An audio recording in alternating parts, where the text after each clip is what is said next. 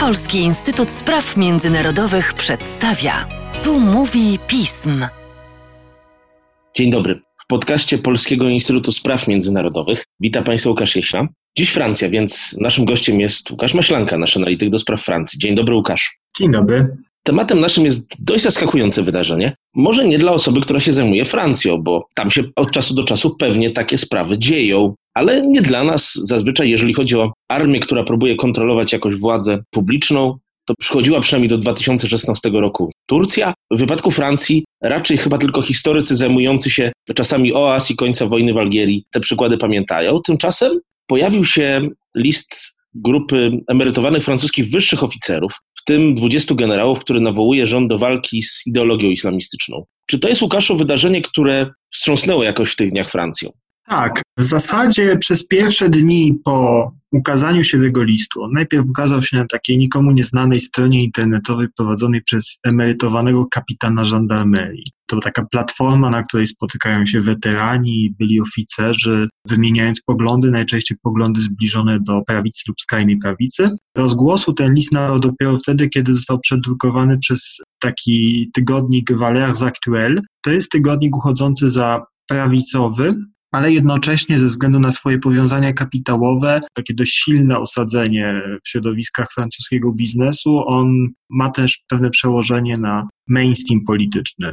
Uwiarygodnił także Macron, który w zeszłym roku udzielił obszernego wywiadu temu tygodnikowi, starając się przekonać do siebie elektorat prawicowy. No ale jest to tygodnik dość jednoznacznie związany z prawicą. I po przedrukowaniu tego listu zaczęła nawarstwiać się taka lawina skandalu politycznego, ponieważ no, francuskie elity zaczęły uświadamiać sobie, że doszło do czegoś zupełnie nadzwyczajnego, to znaczy po raz pierwszy w zasadzie od lat 50., 60. wojsko w osobie emerytowanych oficerów zechciało odgrać tak dużą rolę w polityce.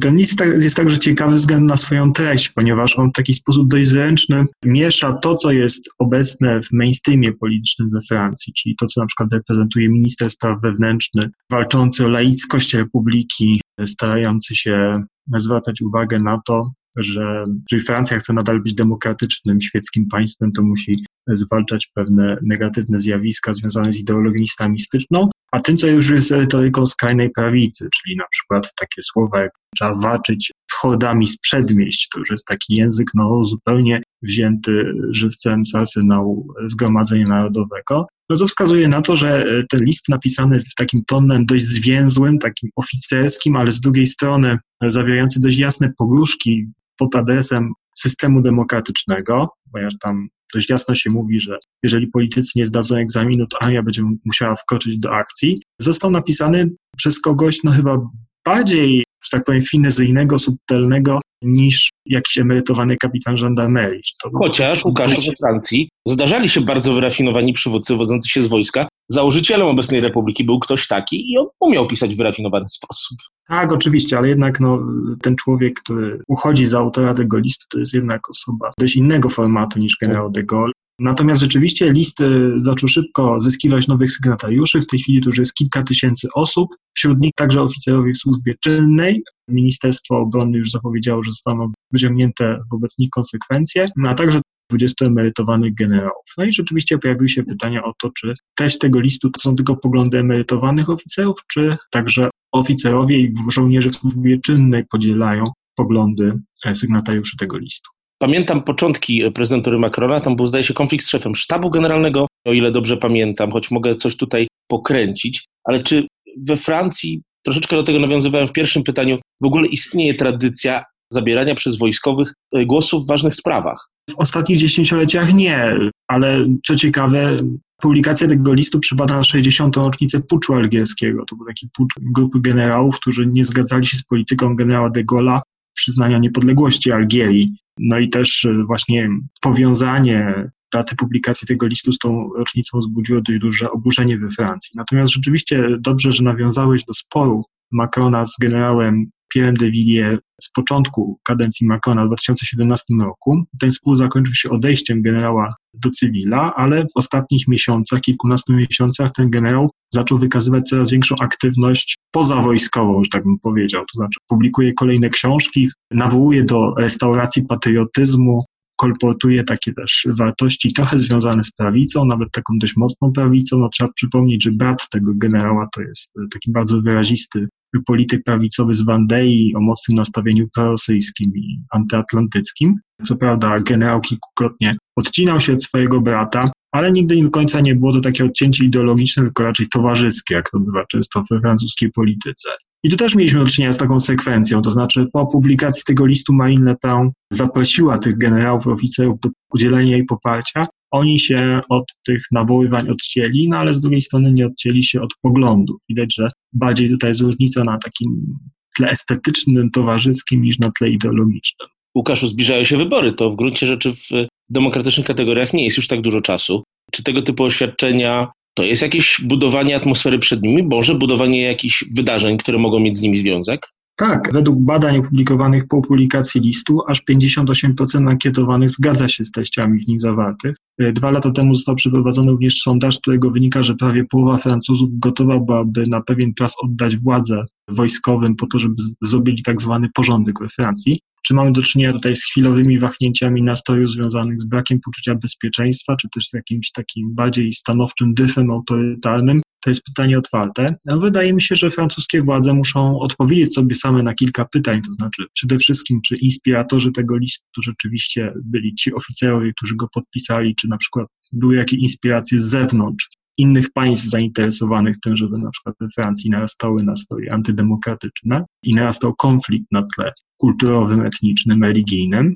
Przede wszystkim, czy Macron nie za daleko się w ostatnich miesiącach posunął w przejmowaniu takiej retoryki trochę zbliżonej do skrajnej prawicy, która sprawia teraz, że łatwiej jest prawicy, skrajnej prawicy, antydemokratycznie nastawionym generałem rozliczać go z poglądów, które no wcześniej zarezerwowane były dla takich środowisk no dość skrajnych. Możemy jakoś generalnie zarysować, jaki jest w ciągu tych ostatnich kilku lat stosunek Macrona i jego najbliższej ekipy, o ile możemy ją jeszcze tak definiować, do wojska i służb specjalnych. Czy to jest ekipa rządząca, która sobie z tymi problemami radzi, czy też nie do końca jest w zgodzie z odwiecznymi strukturami militarnymi? Wspomnieliśmy już o konflikcie Macrona z generałem de Villiers na początku jego kadencji. Z drugiej strony jest też dość wyraźna fascynacja Macrona armią i służbami specjalnymi jako takimi instrumentami potęgi Francji. No trzeba powiedzieć, że od początku kadencji Macrona armia uzyskuje coraz lepsze finansowanie. W tej chwili przekroczenie 2% PKB wymaganych przez NATO na zbrojenia nie jest już dla francuskiej armii problemem dzięki wysiłkom, dzięki wsparciu Macrona, też minister obrony Florence Parly. No i to jest oczywiście też związane z, z oczekiwaniami francuskiego przemysłu zbrojeniowego, który na tym zarabia.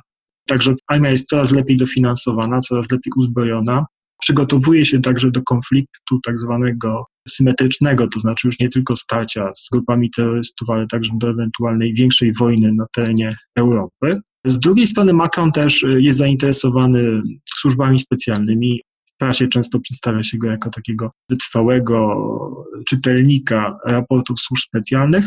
Doprowadził on też do dość znacznej centralizacji dowodzenia służbami specjalnymi od kilkudziesięciu lat toczy się już we Francji konflikt, czy służby specjalne powinny podlegać rządowi, czy powinny podlegać prezydentowi, w jakim stopniu powinna się nad nimi rozciągać kontrola parlamentarna. Macron, chociaż przedstawia się jako taki polityk nowoczesny, lider narodu startupów, to y, stawia jednak na bardzo archaiczne metody zarządzania jednoosobowego, co się oczywiście wpisuje w ustrój Piątej Republiki Francuskiej stworzony bądź co bądź przez dowódcę. Chociaż chyba, jak to tak nawiążemy troszeczkę do generała de Gaulle'a, jego ówczesna armia nigdy do końca nie uważała za jednego z nich. On się bardzo wyróżniał na tle francuskiego korpusu oficerskiego i przed wojną, i później, kiedy już był politykiem.